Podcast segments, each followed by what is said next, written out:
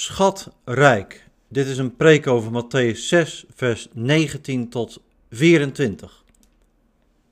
De preek hoort bij een jeugddienst. De jongeren wilden het graag hebben over het thema God en geld. De jongeren participeren ook volop in de eredienst, de online eredienst. Ik lees eerst de tekst Matthäus 6, vers 19 tot 24 uit de Bijbel in gewone taal, daarna volgt de preek. Jezus zegt, je moet niet proberen om rijk te worden op aarde. Want aardse rijkdom zal verdwijnen, die rolt weg of wordt gestolen door dieven. Nee, zorg dat je rijk wordt in de hemel. Want hemelse rijkdom verdwijnt nooit. Die kan niet wegrotten of gestolen worden. Laat de hemelse rijkdom het allerbelangrijkste voor je zijn. Elk mens kan licht uitstralen. Als je doet wat God wil, dan zul je licht uitstralen. Maar als je niet doet wat God wil, dan zul je geen licht uitstralen.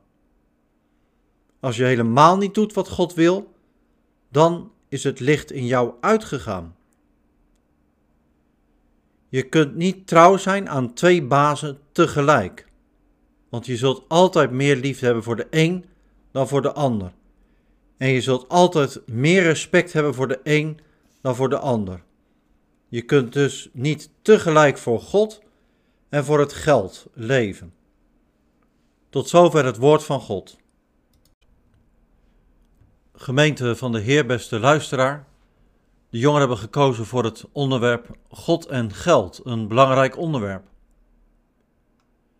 Ik begin bij het Oude Testament. God had tegen zijn volk gezegd dat zij 10% aan hem moesten geven, de tiende. 10% van je oogst, 10% van je inkomen, 10% van je bijbaan. God vraagt best veel. Ga maar na, Gods volk was afhankelijk van die oogst. Het kon bijvoorbeeld zomaar zo zijn dat er in een jaar weinig of geen regen viel dan mislukte de oogst, dan was er geen eten. Gods volk had toen niet de luxe die wij hebben, dat je een supermarkt binnenloopt en een broodje haalt. Ze leefden van de oogst. En dan heb je liever een voorraad. Die 10% kun je heel goed gebruiken. Toch vraagt God de tiende. Waarom? God vraagt best veel van de mens. Dat zit niet alleen in de tiende, ga maar na als je naar God toe kwam, naar de tempel ging, in het Oude Testament, dan moest je een dier offeren. Afhankelijk van je inkomen was het dan een groot of een klein offer. In de kerk vandaag betaal je in iedere dienst, in de collecte, de digitale collecte. Vandaag trouwens een heel mooi project, een samenwerkingsproject in Dordrecht, broodnodig. In heel de Bijbel staat dat het belangrijk is om te denken aan de armen om weg te geven, regelmatig en niet zuinig, maar ruimschoots. Wie gierig is, komt de hemel niet in. Het gaat vaak over geld in de Bijbel. Waarom? Komt God soms geld tekort? Heeft Hij ons geld nodig? Of gunt God het je niet dat jij rijk bent? Nee, dat is allemaal niet zo. Het gaat God ergens anders om. De Heer Jezus leert je hoe dat zit. Jezus spreekt de mensen toe in de bergreden. De bergreden is een belangrijke toespraak die Jezus houdt aan het begin van zijn optreden.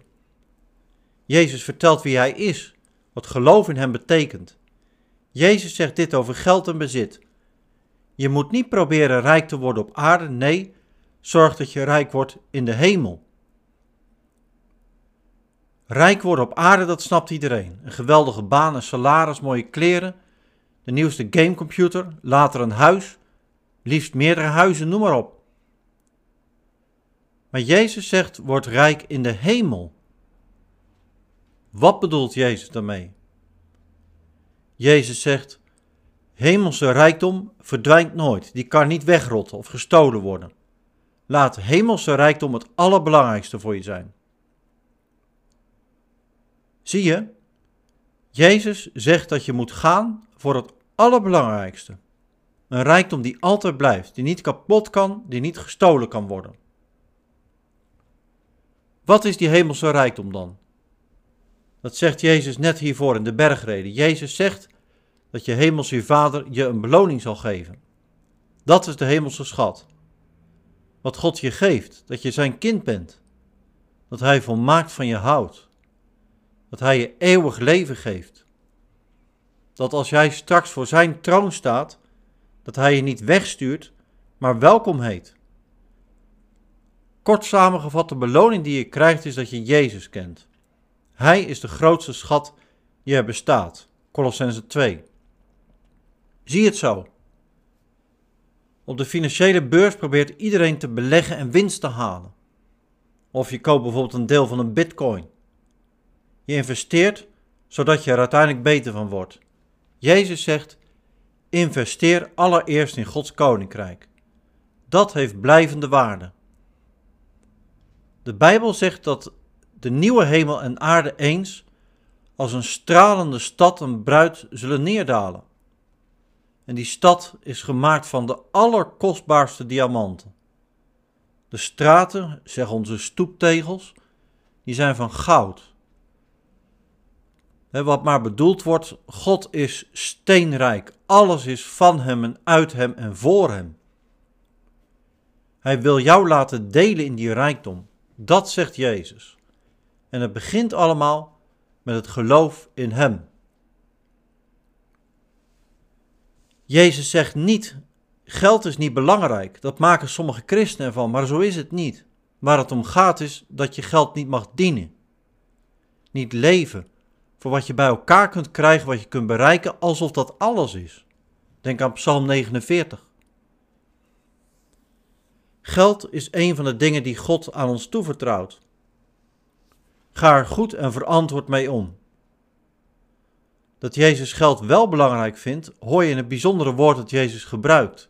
Jezus gebruikt voor, het, voor geld het woord mammon. Dat is de naam van een afgod. Geld en bezit als afgod. Pas ervoor op. Want zomaar ben je ermee bezig.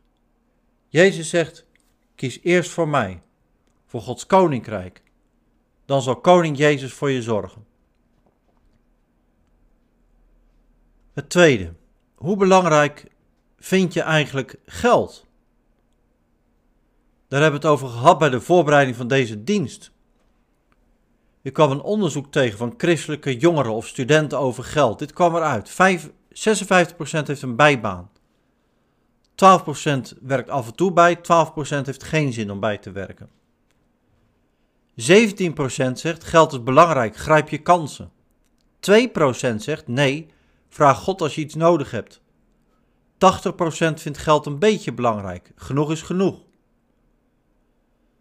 59% kiest voor weggeven boven ontvangen. 41% vindt ontvangen juist makkelijker. Ze zeggen dankbaar te zijn. Vind je het belangrijk om weg te geven? Dan zeggen de christelijke jongeren 75% zegt ja. 16% geeft minstens een tiende. 60% geeft aan collectes. 10% is niet bezig met geven. 14% geeft geen geld, maar doet vrijwilligerswerk. Ik kwam het onderzoek tegen bij EOBeam. Mooie cijfers. Goed en belangrijk om het met elkaar te hebben over geld, bezit, weggeven en vertrouwen op God. Het belangrijkste is dat je dit weet. God ziet jou, je hart, wie je bent. Geniet van wat je met geld kunt doen. Dat je eens een broodje kunt kopen op school of ergens anders. Als je ouders je geld meegeven. Of als je het er zelf een keer voor over hebt. Geniet van mooie kleren. Als je je dat kunt veroorloven. Spaar wat als dat kan. Voor een grote uitgave of voor later. Leef hierin met God. Volg Jezus. De Bijbel zegt hij was rijk, maar hij werd arm om ons te dienen. Bid tot hem. En denk ook aan mensen die het minder hebben dan jij. Denk ook aan hen met het weggeven. God ziet je hart. God weet wie je bent. God kent zijn kinderen. Dat je zijn kind bent is belangrijker dan dat je rijk bent of arm. Denk aan Abraham. Hij was steenrijk, net als Job trouwens. Hij is de vader van de gelovigen. En in de Bijbel staat net zo goed een verhaal over een arme weduwe die een paar euro, zouden wij zeggen, in de tempelcollecte gooit. Jezus ziet haar. En volgens Jezus geeft zij meer dan al die mensen die tikkies van een paar honderd euro doen. Want zij geeft terwijl ze weinig of niks heeft. De rest doet het allemaal omdat het moet of voor de show. En soms hoor je dat rijke christenen allemaal kerken of kerkelijke initiatieven ondersteunen of goede doelen sponsoren. Wat mooi. Ik rond de preek af. Kies voor de allerbelangrijkste schat, Jezus. Die schat kan niet gestolen worden. Investeer in je geloof. En heb het er met elkaar over. Hoe je omgaat met wat God je geeft. Amen.